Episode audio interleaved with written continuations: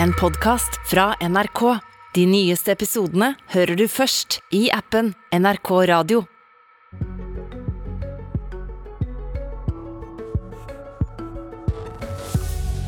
Norge og EU diskuterer nye sanksjoner mot Russland. Men hva kan de finne på nå som ikke rammer sjøl vel så mye? Og er det mulig å stanse Putin fortsatt? Ja, God morgen og velkommen til et politisk kvarter som skal handle om grensetvister i dag. Både den i Ukraina, som kan ende i full krig, og den som er langt fredeligere i Innlandet, som like fullt endte i en thriller av et møte i går kveld. Vi starter i Brussel. Der er du statsminister Jan, eh, Jonas Gahr Støre.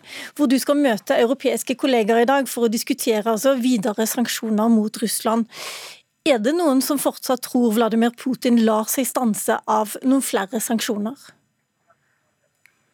Nei, Jeg tror ikke det er å si, så lettvint som det. Eh, Putin har et eh, stort prosjekt, ser det ut som, som han har forberedt over lang tid. og Med stor mobilisering av militære styrker og nå grep som bryter folkeretten og, og, og trolig åpner for å kunne bruke mer militær makt. Og Det tror jeg nok er gjort eh, vel vitende om at da kommer det reaksjoner og sanksjoner som kommer til å ramme Russland, Russlands folk og Russlands økonomi. Men det er desto mindre ikke viktig at, eh, like viktig at eh, Europa reagerer, sier ifra, markerer hvor de grensene går. Både i forhold til de som blir rammet, men også sender veldig klare signaler til Putin og til andre ledere om at slikt ikke passerer uten reaksjon. Det som allerede er kommet fra EU og Brussel, og som Norge har du sagt skal slutte seg til, det er målretta sanksjoner mot russiske beslutningstakere, folk i Forsvaret og russere som har spredt desinformasjon, bl.a. Det virker ikke sånn veldig kraftige restriksjoner og sanksjoner, dette? Nei, men du må gå et skritt videre. Her er det jo tatt vedtak om å ikke finansiere russisk statsgjeld. Eh, som er et litt sånn teknisk tema, men som er veldig viktig for eh, ethvert lands økonomi. Eh, det er kommet tiltak fra amerikanere og briter målrettet mot utvalgte banker, som jo er en viktig del av det økonomiske kretsløpet i ethvert land. Så dette er, dette er alvorlig. Og så er det jo også slik at dette var reaksjoner som kom som følge av det president Putin kom med i forhold til Øst-Ukraina. Eh, men han har jo eh, gitt klare tegn på at det kan komme vesentlig mye mer. Så det ligger jo mer på plass for å kunne reagere dersom det trappes ytterligere opp. Det var, det var litt sånn fram og tilbake i går. Regner du nå at Ukraina allerede er invadert? Jeg ser Vi advarer mot å gjøre det ordet invasjon til et sånt gradert ord som forteller om uh, hva som skjer. Det, det, er jo stor grad av sannsynlighet fra vitneobservasjoner at det er russisk militære inne i disse utbryterrepublikkene. Eh, det ser amerikanerne kaller at en invasjon har startet. Eh, og Det kan man bruke som begrep. Invasjon er blitt brukt i diskusjonene de siste ukene og månedene opp mot den enorme troppekonsentrasjonen som er nord for Ukraina, rundt hele Ukraina. Eh, som kan åpne for et kraftig angrep inn mot Ukraina, inn mot Kiev. Det er vel det man tenker på, men, men, jeg tror vi er i den fasen at russiske styrker nå er inne på det de mener er utbryterrepublikker, som da er i realiteten egne land men som eh, Europa og resten av verden bør anses som å være en del av Ukraina. altså Det er inne på annet lands territorium. Du eh, sa i går at uh, sanksjoner vil ha kostnader også for Norge. Hvilke kostnader vil det få? Det har jo kostnader begge veier når vanlig økonomisk handel stopper. Men vi husker jo tidligere i 2014-2015 fikk det betydning for deler av lakseeksporten. Hvor det var da markedet som ble lukket igjen i motreaksjoner fra russisk side. Nå tror jeg den næringen fant andre veier for produktene sine. Men alt normalt økonomisk samkvem som uh, ikke blir helt normalt, har effekt begge, eh, begge, veier. Men dette er jo ment å være et, et aller tydelig signal til Russland. Og så er det også reaksjonene vi selvfølgelig skal stå i, fordi vi skal være villige til å også bære vår del av det. Fordi det betyr noe å, å si ifra. Betyr noe også for oss. Du har vært veldig opptatt av å gjenopprette et godt forhold til Russland, ikke minst i nordområdene, og folk-til-folk-samarbeid. I dag starter Kirkenes møte. Hva vil du si om framtida for dette folk-til-folk-samarbeidet, slik situasjonen er nå? Dette er nok et bevis på at når det blåser kalde politiske vinder i nord, så har det ikke oppstått i nord. Det er ikke forholdet mellom Norge og Russland som skaper denne krisen. Men vi har jo opplevd i nord at når det er storpolitisk mulighet for det, så utvikler vi nært forhold med naboen vår Russland i nord. Når det drar seg til, slik det gjorde i 2014-2015 med annektering av Krim, krig i Øst-Ukraina, så blir mulighetene for det færre. Men Norges linje er jo å ha et forutsigbart, eh, konstruktivt forhold til naboen vår i nord, men det er jo ikke upåvirket av hvordan den naboen opptrer. Jeg har jo eh, ønsket at utenriksminister Huitfeldt eh, er på Kirkenes-konferansen i dag, deltar på vanlig måte, og at vi har størst grad av normalitet i det som er grensesamarbeid. Vi samarbeider om søk og redning i havet, vi samarbeider om fiskeri, som er et stort og viktig tema, og vi varsler hverandre. Så når Norge nå skal ha denne cold response-øvelsen som vi har annethvert år i Norge, så er Russland varslet på vanlig måte, og de er til og med invitert som observatør til å følge den øvelsen. Tusen takk skal du ha, Jonas Gahr Støre, for at du var med oss eh, fra Brussel i dag. Senere skal du bl.a. møte Ursula von der Leyen, og NRK følger selvfølgelig disse møtene. Abonner på Politisk kvarter som podkast, og få sendingen rett til din mobil. Vi skal fra utlandet til innlandet. Hedmark og Oppland skal ikke gjenoppstå som egne fylker. Med bare to stemmers overvekt avgjorde Arbeiderpartiet på et internt møte i går at Innlandet skal videreføres. Det gjorde de til tross for en folkeavstemning som ga knapt flertall for oppløsning av fylket. Saken blir endelig avgjort på fylkestinget i Innlandet, som starter nå ganske straks. Men alt tyder på at saken er avgjort. Og Senterpartiet skal nå vurdere samarbeidsavtalen med Arbeiderpartiet i fylket. Lederen i Senterungdommen, Torleik Svelle, mener avgjørelsen i Arbeiderpartiet er et svik. Jeg mener at dette her er en skandale. At et nå bitte lite flertall velger å overkjøre flertallet i en folkeavstemning med stor oppslutning, og, mange, og et ganske stort flertall òg, som nå overkjøres av et bitte, bitte lite stemmeantall i Arbeiderpartiet, det mener jeg at er en skandale. Hedmarking, Senterpartileder og altså innbygger i Innlandet, Trygve Slagsvold Vedum. Er du enig med ungdomspartilederen her? Jeg mener at fylkestinget i Hedmark bør eh, lytte på folk når de har bedt folk om et råd. Og nå har jeg som alle andre innbyggere i Hedmark Oppland hatt muligheten til å stemme. Jeg stemte for at de burde deles. Når flertallet mente det, så mener jeg at eh, partiene i fylkestinget, når de skal bestemme det i dag, bør jo, bør jo lytte. Og nå ligger det litt på Frp og Arbeiderpartiet. For begge de to partiene sitter i fylkestinget, og det er ikke helt klargjort hva man kommer til å gjøre alle sammen. Så det er jo fortsatt spennende. Men har du bedt om råd, så mener jeg du bør lytte på rådet. For man visste hva man gjorde når man ba om det rådet for litt over en måned siden. Og Da snakka jeg med Fremskrittspartiet i går. De er veldig for å lytte til folkeavstemninger, og så er de også veldig for å beholde Innlandet. To kommer til å stemme for å beholde Innlandet, og det blir antageligvis nok til at Innlandet består. Er det krise for deg?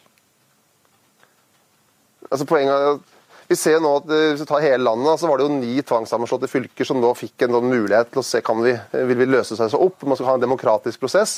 I sju av ni så kommer man til å gjøre det. altså I Viken, Vestfold, Telemark, Troms, Finnmark. Man kommer til å lytte på de lokale innspillene, og man deler seg opp. Også når man i Hedmark og Oppland har bedt om folks råd, så syns jeg det er rart at Frp, som var med og sikra flertall for en folkeavstemning, når de får et annet resultat enn det de ville ha, så velger Frp å overse det. Samme med Miljøpartiet De Grønne, som også sa at de ville ha en folkeavstemning. Og så får de da tydeligvis et annet råd enn det de ønska i folkeavstemninga.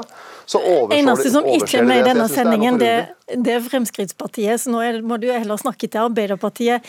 Lise Selnes, du er leder i Innlandet Arbeiderparti. Da vi snakka sammen før møtet i går, så var du dypt ulykkelig. For du ønska en fortsettelse av Innlandet.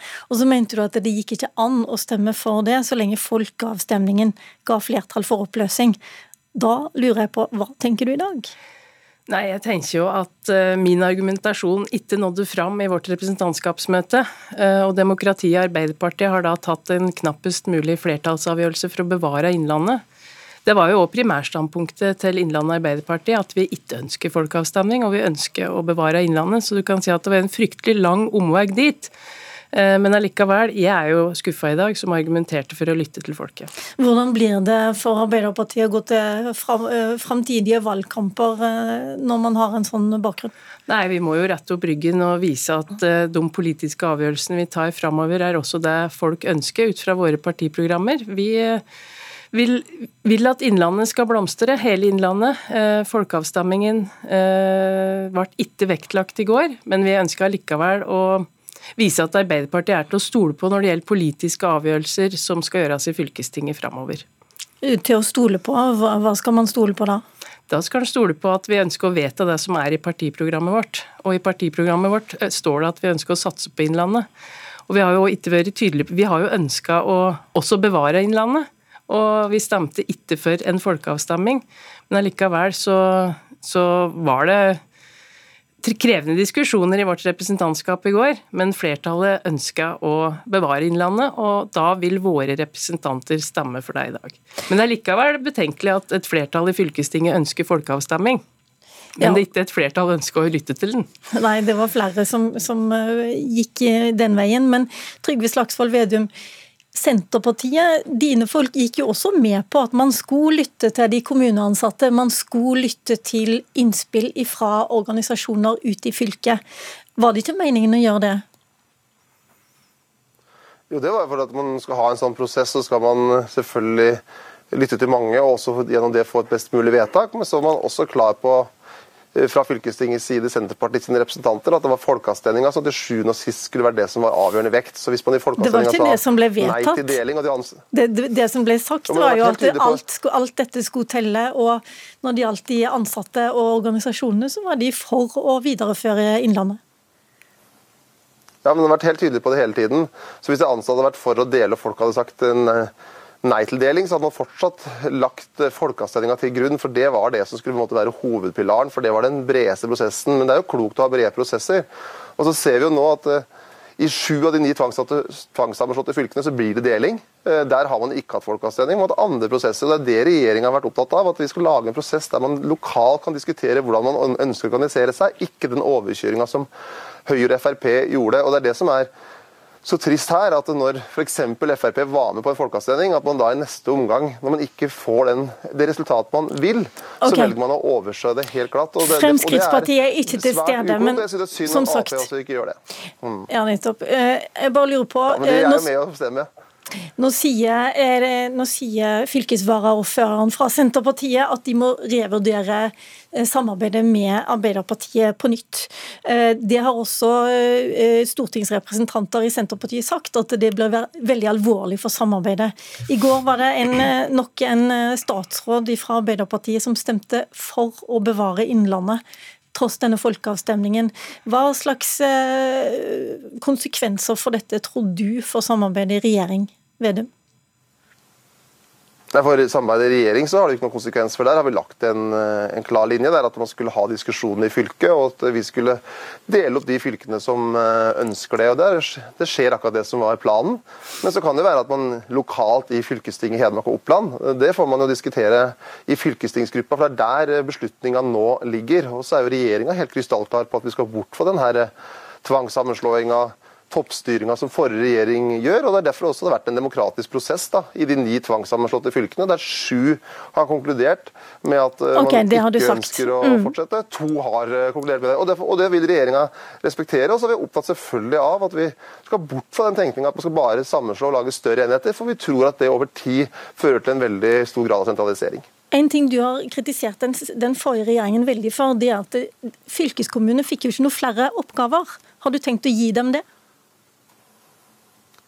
Altså, vi har tenkt begge deler, egentlig. for De ga oss en oppgave som flyplasser, eh, småflyplassene rundt i Norge, som egentlig var en ren måte å fraskrive seg det statlige ansvaret med å binde Norge sammen. Der har vi jo sagt at det er statens ansvar at den også skal ha gode tilbud på mindre steder. Altså Widerøe-nettet, som folk kjenner det mer som. Og så er det, men Innenfor det som er mer sånn skjønnsmessig på plan, areal, som ligger hos eh, statsforvalteren i dag, så har vi sagt at vi ønsker at eh, de lokale skal få større innflytelse. Og Man har sett det i Hedmark og Oppland nå de siste ukene også, i rovdyrpolitikken, der denne regjeringa lytter med på de lokale innspillene, de lokale rovviltnemndene, som har sin basis i fylkestingene. Jeg hørte ikke noen konkrete oppgaver til fylkeskommunen der, Lise Selnes, men eh, det vet jeg du etterlyser. Ja, Der sa jo Arbeiderpartiet tydelig lokalt, når vi i forrige runde ble tvangssammenslått, at her må vi se på oppgavene før vi ser på hvordan grensene skal settes. Nå går vi videre med Innlandet som skal bevares, hvis fylkestinget følger det i dag. og Da blir det spennende også å jobbe for å gi eh, gode oppgaver til det fylkeskommunale nivået. Er du spent på resultatet, eller regner du med det, du regner med det blir eh, 15 fylker framover nå? altså I denne saken så har det vært spennende hele veien. så Det har vært uforutsigbart. Vi trodde det ikke skulle bli folkeavstemning i desember. Der ble det. Vi får se hva fylkestinget ender opp med i dag.